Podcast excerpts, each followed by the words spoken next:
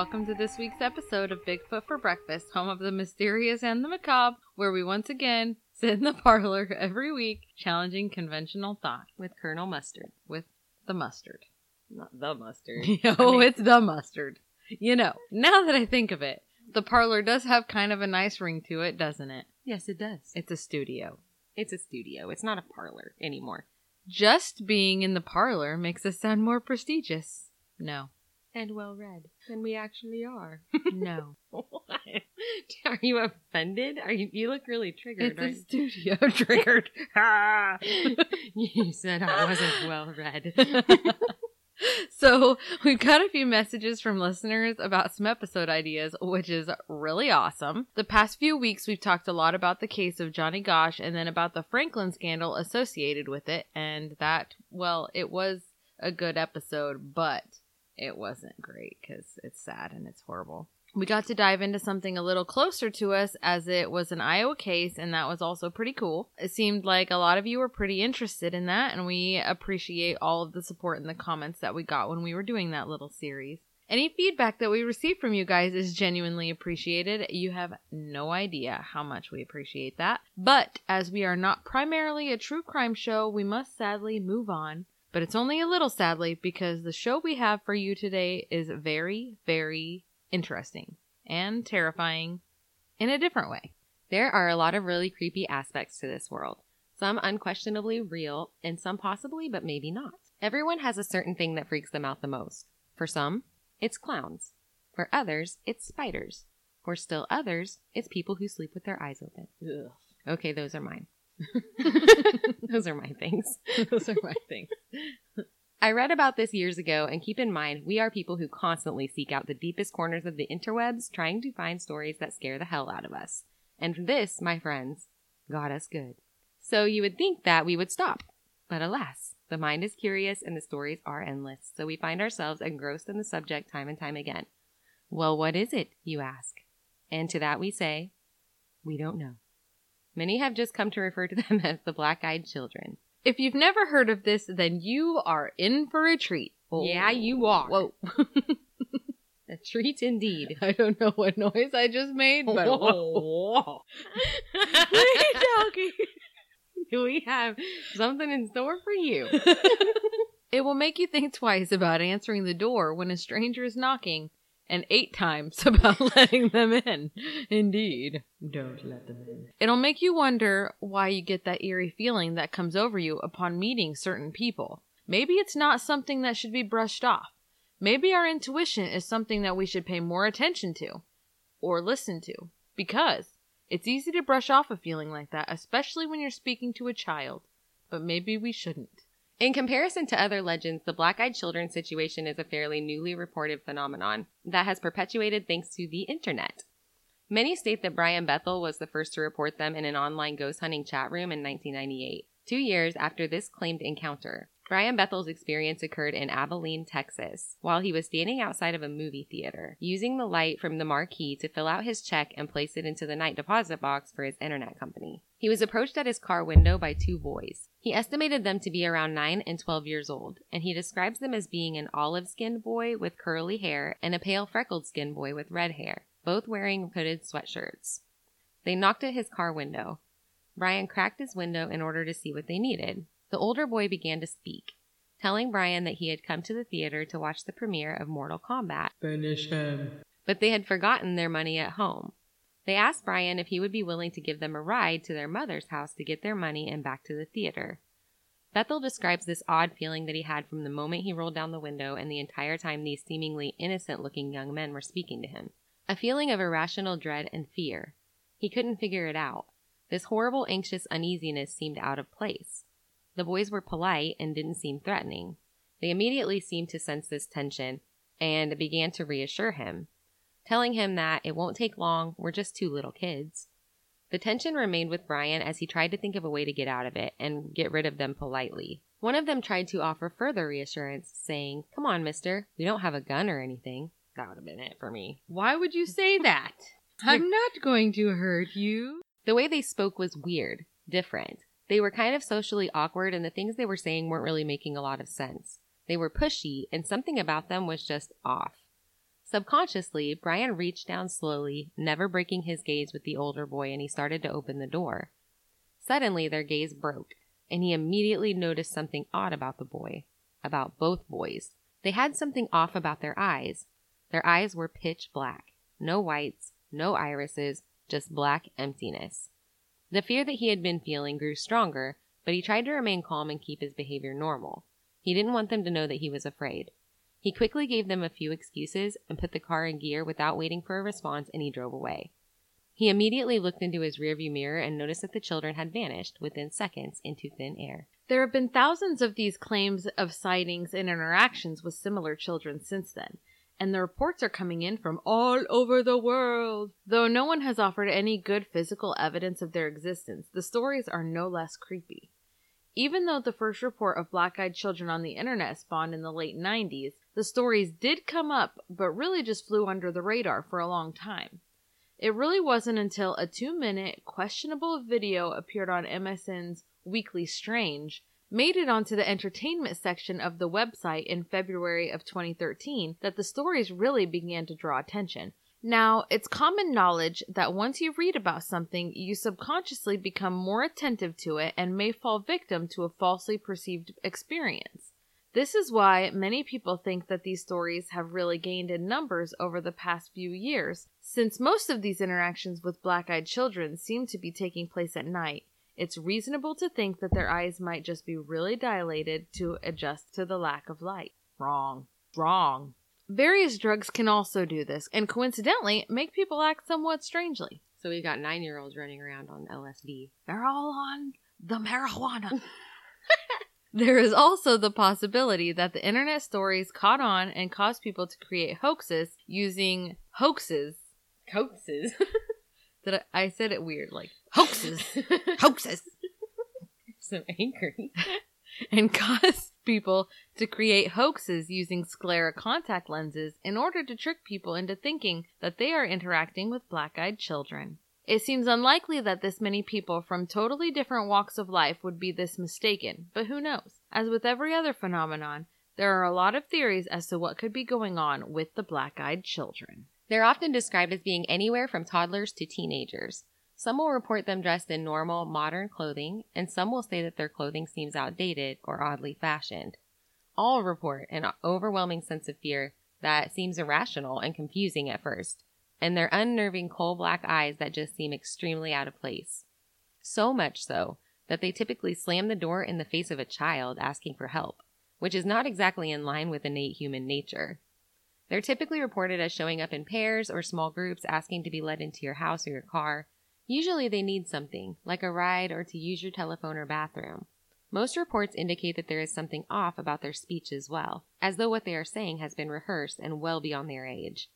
And in the face of their so called emergency situation, they seem strangely calm and monotone. Almost all reports state that they decline the child entry into their car or house, and there are virtually zero reports of what happens if you let them in.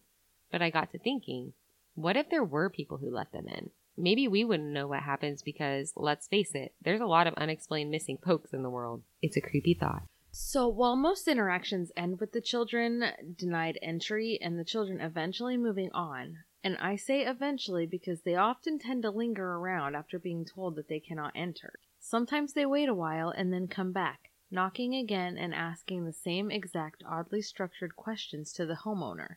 I've even read a few stories about them being denied entry or simply being ignored and then moving on to knocking on windows, quietly still asking, Can I please come in? I'm cold. Or, Can I please come in and use your phone? I need to call my mother. Sometimes these visits occur at odd hours of the night, especially for young children, right? Who are these people? That's what I'm Letting saying. their kids run around at midnight? I'm gonna call door. your mama myself. people offer to, and they're Don't like, kill no, me. let me in the house. And then the me men in black show up to pick them up. Let me in. Let me. Either way, most people who report an experience don't let them in. You're so smart. You people are so smart.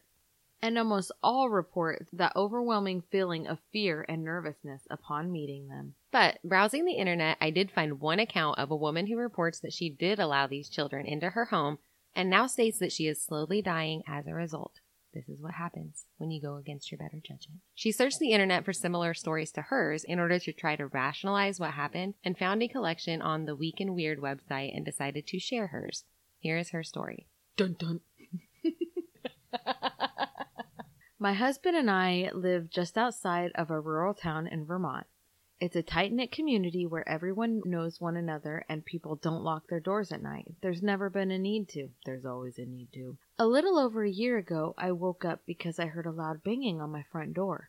At the time, my husband and I lived in a small home on a dirt road just off the rural route into town. It was the middle of a snowstorm, and the nearby hills get very slippery in the snow, so I thought that someone might have been in an accident and broke down. It's happened before. When I looked out the window, I could see that our motion spotlight was on. I could see that there were footprints in the snow that had come from the road and into our driveway, but there was no car anywhere. The snow was still covering the road, and no one had driven on it for at least a couple hours. Our front door was obscured from the window, but I could see that someone was standing there. I wasn't sure what to think, so I woke my husband up just to feel safer. While I was telling him what was going on, the banging on the door started again, and my husband went to answer it while I stood in the hallway. When he opened the door, there were two children standing in the snow looking toward the ground. They were a boy and a girl and could not have been more than eight years old. They were dressed strangely and had odd haircuts. The girl's hair was very long and straight. The boy had a dated haircut that looked almost like a bowl cut.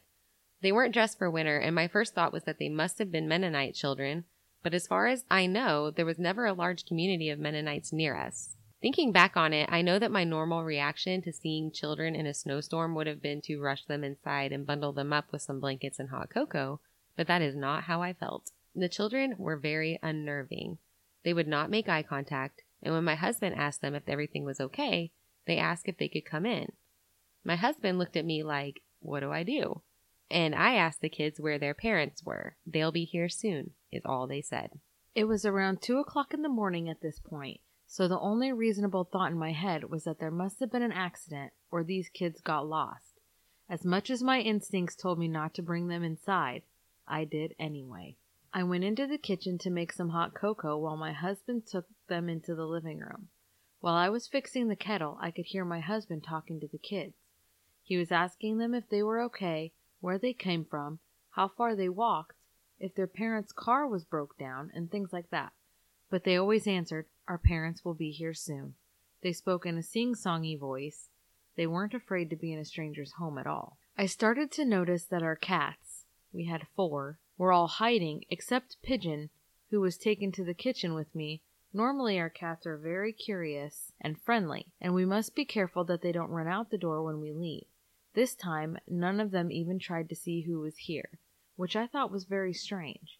The hair on Pigeon's neck was standing up, and his tail was puffed up while he looked in the living room. When I bent down to pet him to see what was wrong, he hissed and started growling and backed up until he hid himself under the kitchen island, and I've never seen him do that before. Trust the cats. If I give you no other advice in your life, trust the cats. If your cat doesn't like it, you shouldn't either. When I walked back into the living room, the kids were sitting on the couch as still as can be, but my husband was holding his head in his hands. I asked him what was wrong, and he just said that he felt really dizzy all of a sudden, but that he was fine. I turned back to the children and gave them their cocoa, but when they looked at me, I gasped. It took everything inside of me not to drop the mugs and run away. You should have dropped the mugs and run away. When they looked at me, their eyes were completely black.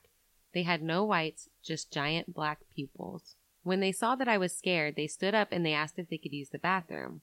I tried to be as composed as I could be and showed them down the hall. They went to the bathroom together, and I hurried back to my husband to ask if he had seen their eyes. He had seen them too. He said that it looked like his brother's badly bruised eyes after a car accident.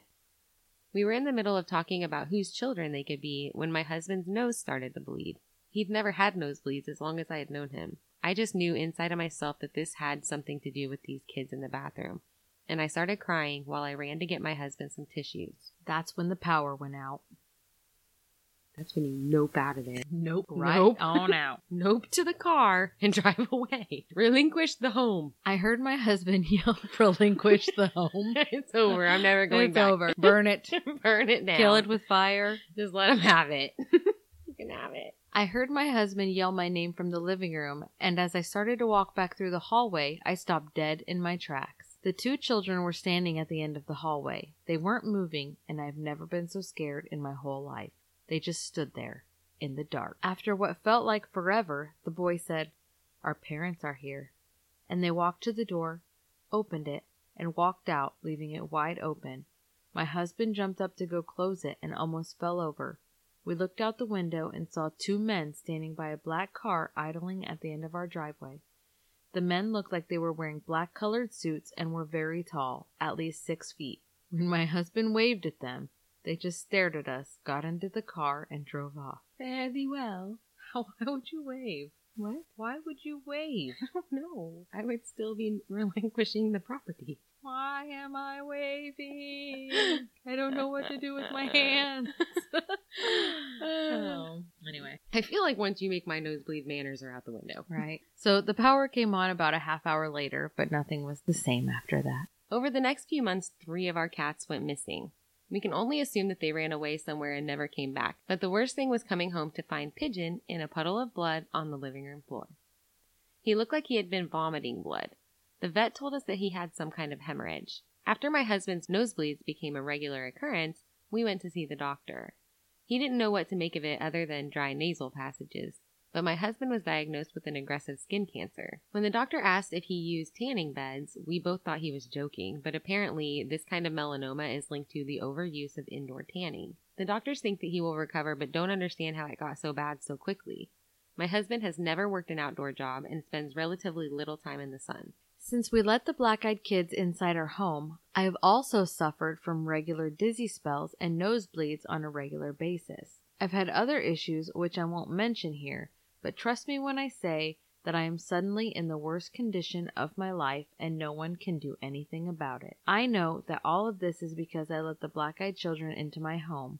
We've told everyone we could about the strange kids that showed up that night, but no one else saw them, and some laugh at how scared we were of the Mennonite kids. But we knew what we saw. I wish my husband had never opened the door. If you should ever encounter them, my advice would be to lock your doors, call the police, and wait for morning. Don't make the same mistake that I did. Batten down the hatches, boys. So a theory emerged from this story that seemed to be somewhat commonplace among people who speculate as to what these beings could be. The appearance of the two tall men who arrived to gather these children bear an obvious semblance to the reported men in black encounters, which leads some to believe that there is an extraterrestrial link. The melanoma diagnosis that turns up shortly after the encounter is associated with moonburn syndrome that is commonly suffered after some people report a UFO encounter. These associations lead people to believe that the black eyed children are a new trend of extraterrestrial contactee cases, as though extraterrestrials have changed their antics. Thinking that this is a more subtle way to interact with human beings, for whatever reason. Maybe they're playing on our innate feeling that children are innocent and that we are typically willing to help them, gaining them easier access and a more open human host. The more I read these stories, it seems like the most popular theory among people. I will agree that there seems to be deep parallels to the Men in Black reports. They both seem to show up in the evening hours, often late into the night. They will knock on your door and ask to be allowed into your home or vehicle under innocent circumstances, but never do you hear of them forcing their way in or entering unannounced without your permission. This almost gives them a vampiric effect as well, I think. But you know me. I likes my vamps. I won't pretend to know what these beings are by any means, but let's not forget, lest we not forget, that there is a place for this type of behavior in ancient demonology texts as well. Yes, it's called hell. It's called hell. Often demonic or evil entities cannot enter a person's home or body without some type of opening or invitation, even if the invitation is slight or unintentional. So a hard no is what you need. Hard no. Hard no. Hard no. Cannot confirm. If they insist, then take them to the end of the laneway. Don't come up the property Every time. every time. Fight me. Just put up your dicks. Back to the Men in Black comparison of the black eyed children. In sightings of both, the people are said to behave strangely. It's as though they are trying to act as normal as possible, but maybe imitating human behavior just isn't that easy if you aren't human. They often wear somewhat concealing clothing or accessories, hoodies, glasses, or hats. Often the men in black are reported to wear very thick wraparound sunglasses. Could they be catching on to our suspicions and the differences that we see from that of regular humans, particularly in their eyes? Perhaps they are one and the same, with different jobs to perform, with different types of interaction with humans. The thing that makes me the most nervous is the fact that they are so persistent. They will knock on your door and ask several times to be let in, despite polite objections. If they ask first to use your telephone and you say no, then they may switch it up and ask if they can come inside to use the restroom or to get warm until their parents arrive. Many reports state that after the door is closed, the children will stand outside, staring at your house, and then approach and knock again and again. Other reports have the children moving to windows and walls. sorry. To the windows, to the walls.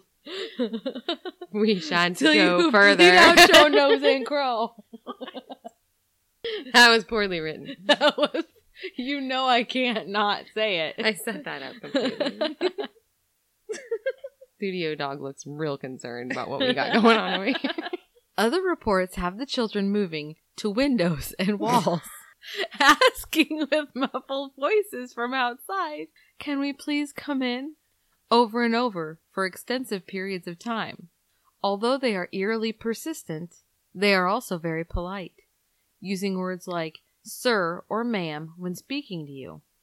They also seem oddly educated for their ages, using very articulate and concise language. But often, although polite and concise, they sometimes seem to only know a few phrases like, we need to use your telephone, or our parents are coming soon. My name is Inigo Montoya. Every time. Every time. Give it up, You Princess killed my father. Prepare to die. My father? my father. You killed my father. Hello, mother. Every time you say that, I think of a cat with big giant cat eyes like Boots. I love cats. she does love cats. Trust the cats. Our parents are coming soon. And no matter what they are asked, they will respond with one of these few phrases, even if it's not an appropriate answer. Sometimes they will replace words with severely outdated words. For example, instead of asking to use the telephone, they will ask to use the telegraph.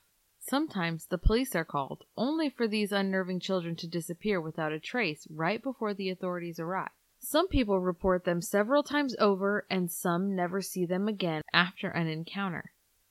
Since there are so few reports from people that have let them in or interacted with them for extensive periods of time, due to the feelings that they inspire within people, it's difficult to say what their intentions are murder if they aren't human. It's alleged that they have some sort of psychic or telepathic abilities. Some witnesses report that the children will often stare at each other silently for long periods of time as if in deep communication with one another. Allegedly.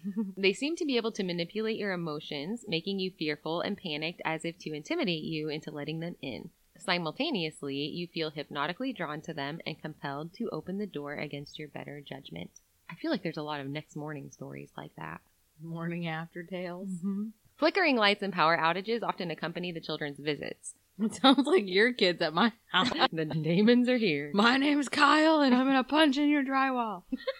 Setting an even more ominous tone, like something straight out of a horror film. A man named David Weatherly, who is an author, researcher, and cryptozoologist, has written a book about black eyed children and has done extensive research into these reports and stories in order to try to find an answer. David was interviewed on The Tracy Austin Show with another author and cryptozoologist, Nick Redfern. They discuss several possibilities for explanations. David mentions the jinn, which is a popular legend of Middle Eastern culture seen mentioned throughout the Quran. The jinn are known to be master shapeshifters and exist in a parallel world to our own. They can be good or evil, and in Western culture are known as the genie and have been depicted in popular culture as somewhat silly and lighthearted in nature. For example, Aladdin's genie. I dream of Jeannie, and Shaquille O'Neal's depiction in the 1990 film Kazaam. Was that a movie though? Yeah, it gets mistaken because people think that it's that Mandela effect thing. People think that it's Sinbad. Sinbad. Sinbad. But this is not the way that they are always shown historically. In other parts of the world, especially the Middle East, the jinn are tangible entities as much as humans are and have a much more sinister undertone. They are often thought to be the cause of many disappearances and are known to try to lure people where they need them or to innocently enter their homes. What better way to do this than under the guise of an innocent child? Innocent. I'm innocent. So, of course, I took to the internet to see if I could find any stories from regular people who had a story to tell. I was looking mostly for earlier accounts of the black eyed children since the phenomenon seemed to begin on the internet in the 90s. I wondered if there were, in fact, other reports out there that might have not been associated previously. This is what I got. One of the earliest reports seems to be from 1950 in Virginia. So the fact that this one is from the 50s makes me think that it isn't as new of a phenomenon as we think, but maybe just less common and more underreported. Maybe Brian Bethel's account being put up on the internet under a popular chat full of people looking for things of this nature just perpetuated this story faster and encouraged others with similar experiences to tell theirs as well. Author David Weatherly had researched this claim from the 1950s too. 16 year old Harold was walking home when he came upon another boy leaning against a fence. Harold tried to make friendly conversation with him and received no response, so he turned to walk away. As Harold was about to leave, the boy looked at him and said flatly, I want to go to your house. You're going to walk me up to your house. Harold looked at him a little closer, as if trying to figure out if he knew the boy from somewhere, and that's when he noticed his eyes. No white, just black as can be, and completely unnatural. A surge of fear washed over Harold, and in that moment he found himself fighting the urge to turn and run as fast as he could. Don't fight the urge. Don't fight. Do the running thing. It was as though the boy knew what Harold was thinking, and he suddenly looked directly at Harold and said, Now don't you run away from me. You're going to walk me up to your house. And Harold ran. In doing so, remembered hearing a loud scream behind him that sounded similar to that of a bobcat. Unlike many others, Harold's parents believed him, and his father grabbed his gun to go out looking for this kid who scared his son so badly. His mother believed him to have had an interaction with the devil himself and took Harold immediately to see a local priest. Have you ever heard a bobcat scream? It, yeah, I used to hear them out at your house, and you'd want to run into the woods because it sounded like babies crying. Well, they make it sound like babies crying, like an infant. But they also make it sound like it, it sounds like, Like a woman. murdered. It sounds Yeah. like a woman screaming. It is it is horrible. If you're sitting outside in the woods at night and you hear that, it is terrifying. Have you ever um, seen the movie Thirty Days of Night? yes, The vampire scream. The Yeah. vampires. The vampires screaming. it is awful. It is. It's that. That those are my. I think Those they're- the scariest vampires. they are. They did so good. They were the scariest vampires. the scariest. Like their Thirty Days of Night is the scariest vampire movie, but Lost Boys is the best one. I don't care what anyone says. Edgar and Allan Frog. That's right. If you don't have the Frog Brothers, you are nothing. Hashtag the Coreys. I don't know because the Lost Boys 2 had the Frog Brothers, and did you see it? Yeah. It was, eh. The first Lost Boys was the best one. It was the only one, as far as I'm concerned. The other ones didn't even have. Weatherly also even associated the black-eyed children, or being phenomenon, to a statue found at the ancient site of Göbekli Tepe. If you haven't heard of Göbekli Tepe, it's definitely something that you should look into because it is a very interesting site. We may have to do an episode on this in the future. Anyway, the statue is called the Urfa Man, and he's pretty popular out there with people who are interested in this type of thing. He is a statue that was carved about 13,500 years ago, and he's a humanoid figure. So the weird thing about this is that if you look at most statues carved throughout history, they're just carved out of one kind of stone. Whoever carved the Urfa man took the time to gather obsidian and carve solid black eyes for this statue. The Urfa man has always been reported to give people bad vibes whenever they are in his presence. The existence of the Urfa man leads Weatherly to believe that the black eyed people have been visiting us for a long time and that it's more of an alien presence. So, the fact that the black eyed people in Japanese culture are depicted as more of a supernatural entity, I think, could be just a misinterpretation. Maybe these creatures are alien and the ancient people didn't really know how to describe them. Maybe the irrational fear that they felt due to the presence and the creep factor that they produced just led them to assume that was a maleficent spirit or demonic entity, and that is what led them to depict them this way in film when really it was more of an alien situation. So I also found one other story that was found by David Weatherly that came from France and was dated 1974. Apparently, he got this story from NICAP, which is the National Investigations Committee on Aerial Phenomena, for those who aren't familiar. According to Weatherly, there were two men driving along in a small village. Their names were Elaine and Patrick. It sounds like they were just kind of taking a drive in the country on a nice day with no particular destination in mind. And on this afternoon, they took a different route than normal. At one point, one of them noticed five figures in the courtyard of a house at the edge of the village. It's described on jimharold.com that three of the figures were standing aside in the yard, while another one was tracing its hands along the house. Another figure was standing out in the yard staring directly at the passing car containing the two men. One of the men rolled down their window and saw the figure up close, stating that his blood ran cold when he saw his face. The strangeness of their behavior, appearance, and just the general way that they moved was already disheartening. The figures were only about four feet tall with long hair and they were all dressed alike, wearing robes that had multicolored spots.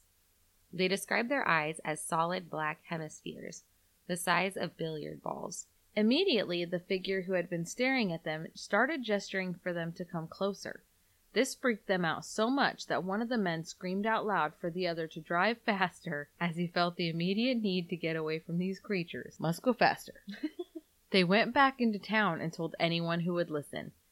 They then returned to the house to find no sign of the figures that they had both just witnessed. They did, however, find one neighbor who claims to have witnessed the entire thing as well. This story is a little different, but we felt it necessary to include it here because there are actually many stories of black eyed beings that don't always fit the actual description of black eyed children, but they do have similar characteristics. Odd behavior, among other things that make me wonder if they aren't somehow connected. Are they some sort of alien hybrid? You hear all kinds of abduction stories about males who are forced to mate with female alien beings, and it's said that the purpose of this is for them to bear children who are the best of both worlds. Is that what's going on here? Are these children being used to more easily gain access to humans on a more personal level? If so, then why? What is the purpose of this? It would explain why they act so strangely. Someone who has simply studied humanity may understand some of the inner workings such as fashion and behavior, but would not be perfect at actually imitating it. Who knows? This is just one of the theories that's brought up in the many sources of thought up information regarding this phenomenon, but is the one that we find the most interesting. Well, I do. Especially due to the similarities to what is reported of the men in black who tend to visit after a reported abduction. People report the same disturbing behavior and sense of impending doom, and also report that they felt that they were somehow being controlled telepathically by them after an encounter. David Weatherly has even claimed to have dug up stories of black eyed children dating back to ancient China. Apparently, there were many stories of a black eyed girl who had died and would haunt villages due to her anger associated with a traumatic and untimely death. So, this sounds much more like a supernatural situation, obviously, than an alien one. You also notice a lot of older Chinese and Japanese movies depict demonic or ghostly apparitions to have entirely black eyes, as well as this is a thing of their lore. In the United Kingdom, there's an area known as Cannock Chase that has been very well known for a wide spectral si- for spectral sightings as far back as the 60s. It seems to be somewhat of a hotspot, kind of similar to things that we hear about Skinwalker Ranch and other places here in America. The sightings here have brought about a new and much more sad theory about the black eyed children. Aside from supposed hauntings, Cannock Chase has a very dark and very real history. In the 60s, a car mechanic by the name of Raymond Morris was convicted of the abduction and murder of three very young girls, which he buried on Cannock Chase. This has perpetuated some theories that the black eyed children are spirits of the children who have been taken from the earth in horrific ways and have yet to rest and continue to seek assistance from others, possibly not realizing what has happened to them. Sightings of the black eyed children at Cannock Chase don't really seem to be very frequent, with a couple reported in the 70s and several in the 80s before the reports seemed to stop cold until recently. The recent reports involve a woman walking at Cannock Chase with her daughter when they began to hear what sounded like a child screaming in the distance. She reports, We instantly started running toward the noise. We couldn't find the child anywhere, and so we stopped to catch our breath. That's when I turned around and saw a girl standing beside me. no more than 10 years old, standing there with her hands covering her eyes, as if she was waiting for a birthday cake. That, that, that alone would make me just take off running like Yeah. a, like a scared little, for real. Like just being in the woods and finding a small child covering her eyes like that, that's enough. I asked if she was okay and if she had been the one screaming. She put her arms down by her side and opened her eyes. That's when I saw that they were completely black. No iris, no white, nothing. I jumped back and I grabbed my daughter. When I looked again, the child was gone. It was so strange. Shortly after this report, a man also came forward and told a similar story. He states, I was following my usual route when I started to hear something rustling in the bushes. Presuming it was a squirrel or something similar, I carried on walking for around another 10 minutes. However, the noise seemed to follow me.